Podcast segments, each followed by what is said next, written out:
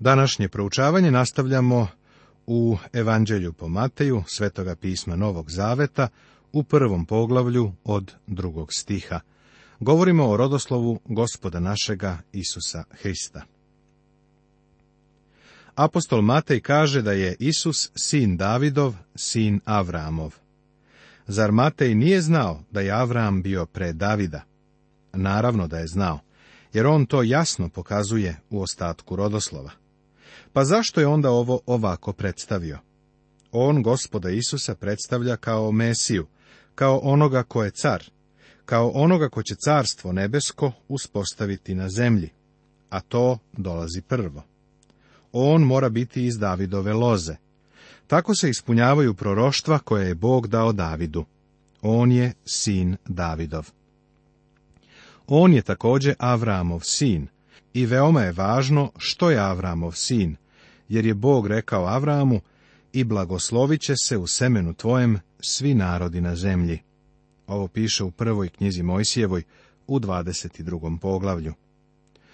A u poslanici Galatima 3.16 apostol Pavle objašnjava ko je to seme.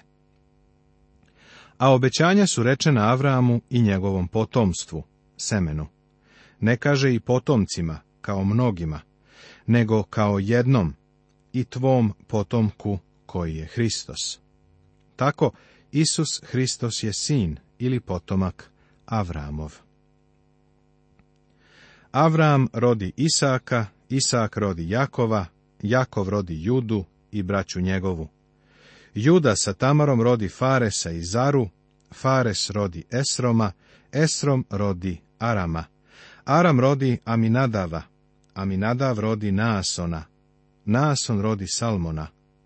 Salmon sa Rahavom rodi Voza, Voz sa Rutom rodi Jovida, Jovid rodi Jeseja. Jesej rodi cara Davida. David sa Urijinom ženom rodi Solomona. Pažljiv pogled na rodoslov koji sledi ne samo da je zanimljiv, nego je i uzbudljiv. Četiri imena se ističu kao da su neonskim svetlom obasjana. Uzbudljivo je pronaći ih kao deo Isusovog rodoslova. Prvo su to imena žena, a potom imena neznabožaca. Uobičajeno je da se imena žena u jevrejskom rodoslovlju ne pojavljuju, ali to ne moramo smatrati greškom, jer je i danas isti slučaj u braku. U braku par uzima ime muža, a ne žene. Njena loza se završava, a njegova nastavlja. Tako radimo danas i tako su oni još onda radili. Godinama sam sklapao brakove u kojima je devojka imala divno prezime, jednostavno, Jones ili Smith. Ali je htjela da ga zameni za prezime kao što je Neunschweinder ili Gruber. Pomislio bih da ne želi da se odrekne svoga prezimena radi nekog dugačkog od četiri ili pet slogova, ali one tako i danas rade. U mojoj fascikli imam isečak iz novina od pre otprilike deset godina o jednom bračnom paru koji je uradio nešto neobično. Uzeli su ženino prezime, što se legalno može učiniti. Ali naš običaj je da se uzme prezime muškarca, a i daje se i piše se muškarčev rodoslov. U Isusovo doba stvarno je bilo neobično vidjeti ime žene u rodoslovu a ovdje imamo četiri ženska imena. To ne samo da su četiri žene, nego su i neznaboškinje. Nisu pripadnice jevrijskog naroda. Kao što znaš, Bog je u zakonu rekao da njegov narod ne stupa u mešovite brakove sa neznabožačkim i paganskim plemenima. Čak je Bog i Avrama savjetovao da iz svoga naroda pronađe nevestu za Isaka. Isto je učinio i Isak, za sina Jakova. Bog je tako uredio da monoteizam bude vladajuće ili rasprostranjeno verovanje onih koji su bili u liniji koja je vodila do gospoda Isusa Hrista. Ipak, u njegovom rodoslovu imamo imena četiri neznabožačke žene. Dve su Hananejke, jedna Moavka, a četvrta Hetejka. Prirodno je da se zapitaš kako su one ušle u Hristov rodoslov. Tamara je prva, spominje se u trećem stihu. Priča o njoj nalazi se u prvoj Mojsijevoj, u 38. poglavlju, i tu se ona naziva Tamarom. Ovo poglavlje je jedno od najgorih u Bibliji. Tamara je ušla u rodoslov zato što je bila grešnica. Rava je sljedeća i spominje se u petom stihu. Iz priče o njoj, koju nalazimo u knjizi Isusa Navina u drugom poglavlju, vidimo da ona nije baš neka primjerna ličnost. Tu se o njoj i govori, kao o ravi. Ali nakon što je upoznala živog i istinitog Boga, ona je postala divna osoba. Verom rava bludnica ne pogibe s nepokornima, sa onima koji nisu verovali, kaže drugi prevod, jer primi uhode s mirom. Ovako je zapisano u poslanici jevrejima u 11. poglavlju Svetoga pisma Novog Zaveta. U Hristov rodoslov je ušla iz prostog razloga. Verovala je. Imala je veru. Zapazi ovde napredak. Dolazi kao grešnik, a onda pruža ruku vere. Ruta je sljedeća koja se spominje u petom stihu. Ona je divna i na njoj nećeš naći ništa loše. Ali u rutino vreme je postojao zakon koji ju je isključivao, jer je rečeno da Moavci i Amonci ne ulaze u zbor gospodnji. Ovo je zapisano u petoj knjizi Mojsijevu i u knjizi ponovljenog zakona u 23. poglavlju. Iako je po zakonu bila izostavljena, bio je tu jedan čovek po imenu Voz, u čije je polje jednog dana došla i on ju je video. Bila je to ljubav na prvi pogled. E pa možda nisi znao da verujem u ljubav na prvi pogled. Svoju ženu sam zaprosio na našem drugom sastanku, a jedini razlog zašto to nisam uradio na prvom jeste što nisam hteo da misli da mi se žuri. Stvarno verujem u ljubav na prvi pogled. Ali nemoj me pogrešno shvatiti. Čekali smo godinu dana do venčanja, samo da budemo sigurni. Mislim da je uvek mudro tako uraditi. Voz je zavoleo Rutu na prvi pogled i pokazao joj je milost. Privio ju uz sebe i uveo je nju, neznaboškinju, uz bor Izraela. Ona je pitala, kako nađoh milost pred tobom da me pogledaš kad sam tuđinka? Ovo je zapisano u knjizi o Ruti u drugom poglavlju. Ti i ja ovo isto pitanje možemo postaviti o Bogu i njegovoj blagodati prema nama ponovo obrati pažnju na napredak.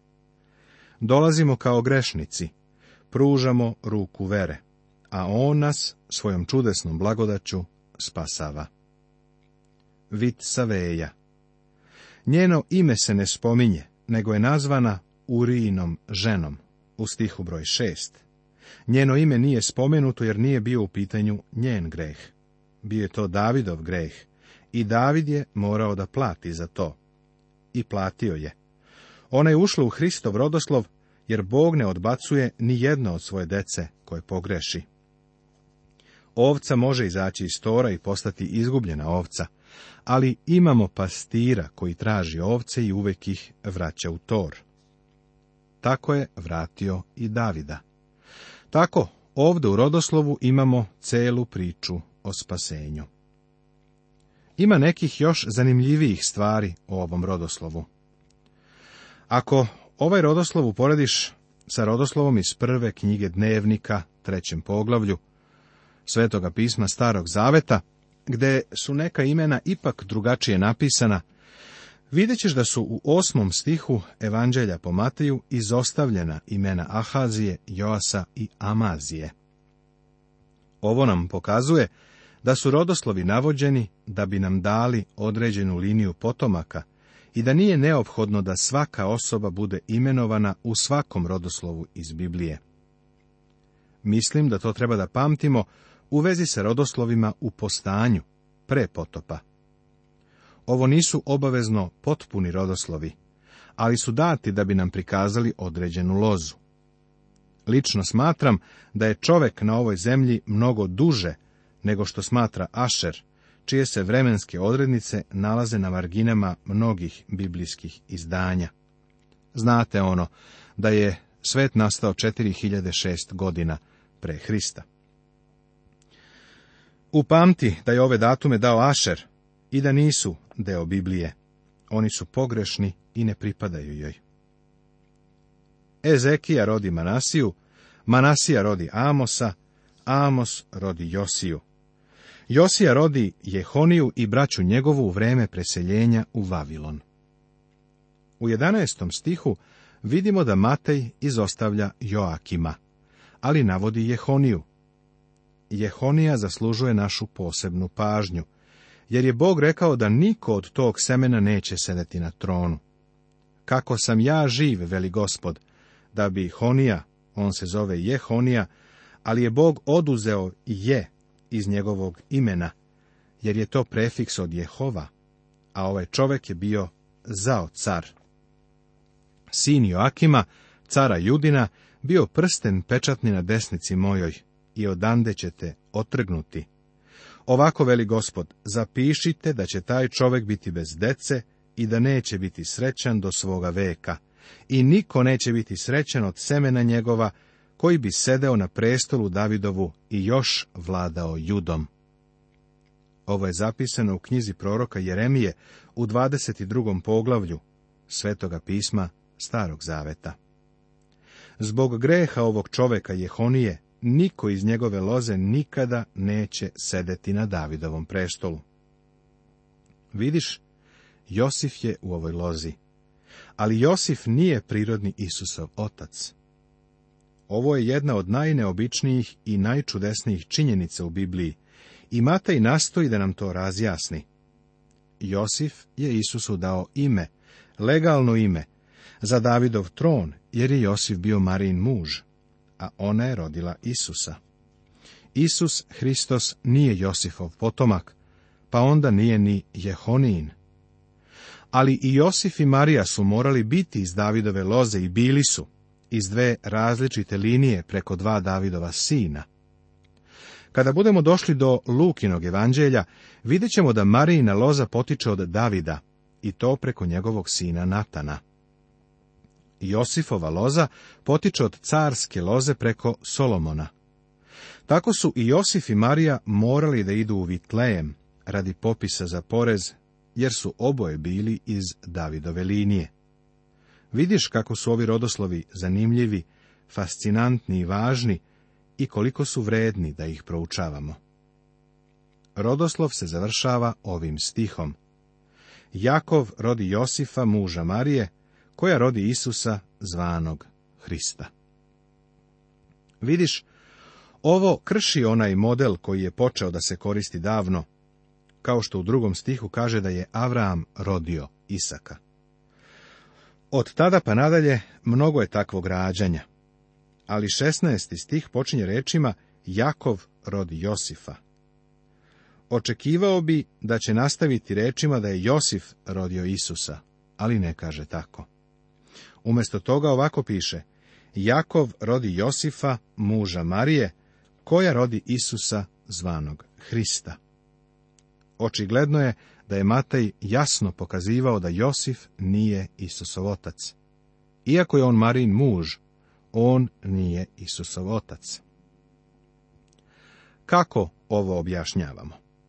U nastavku ovog poglavlja Matej će nam dati objašnjenje i pokazat će nam kako ono ispunjava starozavetno proroštvo. Isusovo devičansko rođenje Luka, koji je napisao evanđelje koje nosi njegovo ime, bio je grčki lekar. U svom evanđelju on zalazi u proširenu oblast akušerstva. Oba evanđelja tvrde da je Isus devičanski rođen. Josif nije bio njegov otac, a Marija nije bila neverna Josifu. Isus nije nezakonito dete. Ovo je nešto novo. Žena će opkoliti čoveka, piše u knjizi proroka Jeremije u 31. poglavlju. Sada, prijatelju, nikada se nisam usprotivio ni jednom čoveku koji kaže da ne veruje u devičansko rođenje. Čovek ima pravo da ne veruje. Ali imam dve ozbiljne primedbe. Ne mislim da propovednik treba da poriče devičansko rođenje Isusa Hrista. Ako to već čini, onda bi trebalo da pronađe drugi posao, da recimo prode osiguranje i da se rođenjima bavi na drugi način. Imam primedbu i na svakoga ako kaže da Biblija ne uči o Hristovom devičanskom rođenju. Jedini Isus o kome imamo bilo kakve istorijske zapise jeste onaj koji je devičanski rođen. Ako želiš da zauzmeš stav da on nije tako rođen, čime to dokumentuješ. Morat ćeš da obezbediš dokaze, svakako veće od slabašnog ljudskog razmišljanja. Tako je lako sedeti u stolici na točkiće na nekom teološkom fakultetu i pisati tezu o nemogućnosti devičanskog rođenja. Mogao bi da napišeš vrlo smišljen tom o tom predmetu, ali nemaš nikakvu dokumentaciju kojom bi potkrepio svoje poricanje. Sve što imaš je samo racionalizacija. A procesom racionalizacije bi mogao reći to nije moglo da se desi. Ali ko si ti da kažeš da to nije moglo da se desi? Pre nekoliko godina ljudi su govorili da je nemoguće da čovek ode na mesec, ali otišli smo tamo. A tamo smo otišli jer smo koristili zakone koje je dao Bog. Bog je tvorac prirodnih zakona. On može da upotrebi te prirodne zakone, a može i da ih stavi po strani da bi postigao svoje ciljeve. Ovaj izveštaj jasno govori da je Isus Hristos devičanski rođen. U 17. stihu nalazimo izjavu koja će objasniti nešto u rodoslovima. Od Avrama do Davida svega dakle 14 kolena i od Davida do preseljenja u Vavilon 14 kolena i od preseljenja u Vavilon do Hrista 14 kolena. Matej predstavlja rodoslov u grupacijama, da bi dao opšti pregled starozavetne istorije. Jedna era se proteže od Avrama do Davida, druga od Davida do Vavilonskog ropstva, a treća od ropstva u Babilonu do rođenja Isusa Hrista. Očigledno je da je on neka imena izostavio iz rodoslova, da bi ih u svakom periodu bilo po četrnaest. Pitanje je zašto je to učinio? Očigledno je da je broj 14, odnosno 2 puta 7, pružao neki dokaz o preciznosti ovog rodoslova. Sada, kada nam je pokazao da Josif nije Isusov otac, Matej će nam dati jedno objašnjenje. U starom zavetu je nadprirodno rođenje već bilo predviđeno. Jeremija se obraća izraelskom narodu sljedećim rečima. Dokle ćeš lutati, kćeri odmetnice? Jer je gospod učinio nešto novo na zemlji, žena će opkoliti čoveka. Ovako se ne radi, prijatelju. Ovo nije prirodno rođenje, nego nadprirodno. Devičansko Hristovo rođenje je nešto novo, što je Bog učinio i ono je ispunjenje Jeremijinog proroštva. A rođenje Isusa Hrista beše ovako. Kada je majka njegova Marija bila zaručena za Josifa, pre no što se sastaše, nađe se da je začela od duha svetoga. A rođenje Isusa Hrista beše ovako.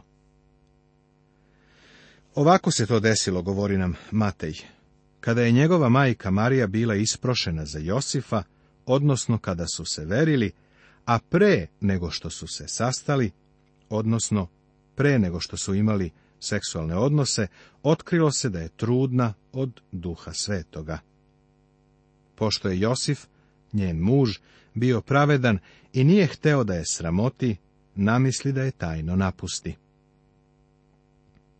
Mojsijev zakon je u vezi sa ovim bio vrlo određen. Rečeno je da kada se otkrije da je jedna žena bila kriva za neverstvo, bila bi kamenovana do smrti. Ovo je bila ekstremna kazna. Ali ovaj čovek Josif je bio izvanredan. Mi vrlo mnogo pažnje posvećujemo Mariji i to jeste ispravno. Protestanti bi trebalo da paze na to da Mariju uvaže onoliko koliko je potrebno i da ih niko od toga ne odvraća. Ona je bila izvanredna osoba. Seti se da je nju Bog odabrao da bude majka našega gospoda, a Bog ne pravi greške. Izabrao je pravu devojku. Iako je sve ovo istina, treba da se setimo i toga da je Bog izabrao i Josifa. Bog nije pogrešio ni kada je njega izabrao. Brzoplet čovjek bi odmah nju dao da se kamenuje do smrti, ili bi je odao i od nje napravio javnu sramotu. Ali Josif nije bio takav čovjek. Bio je pažljiv, bio je zaljubljen u nju, pa ni na koji način nije želeo da je povredi, iako je smatrao da mu je bila neverna. Nastavit će se.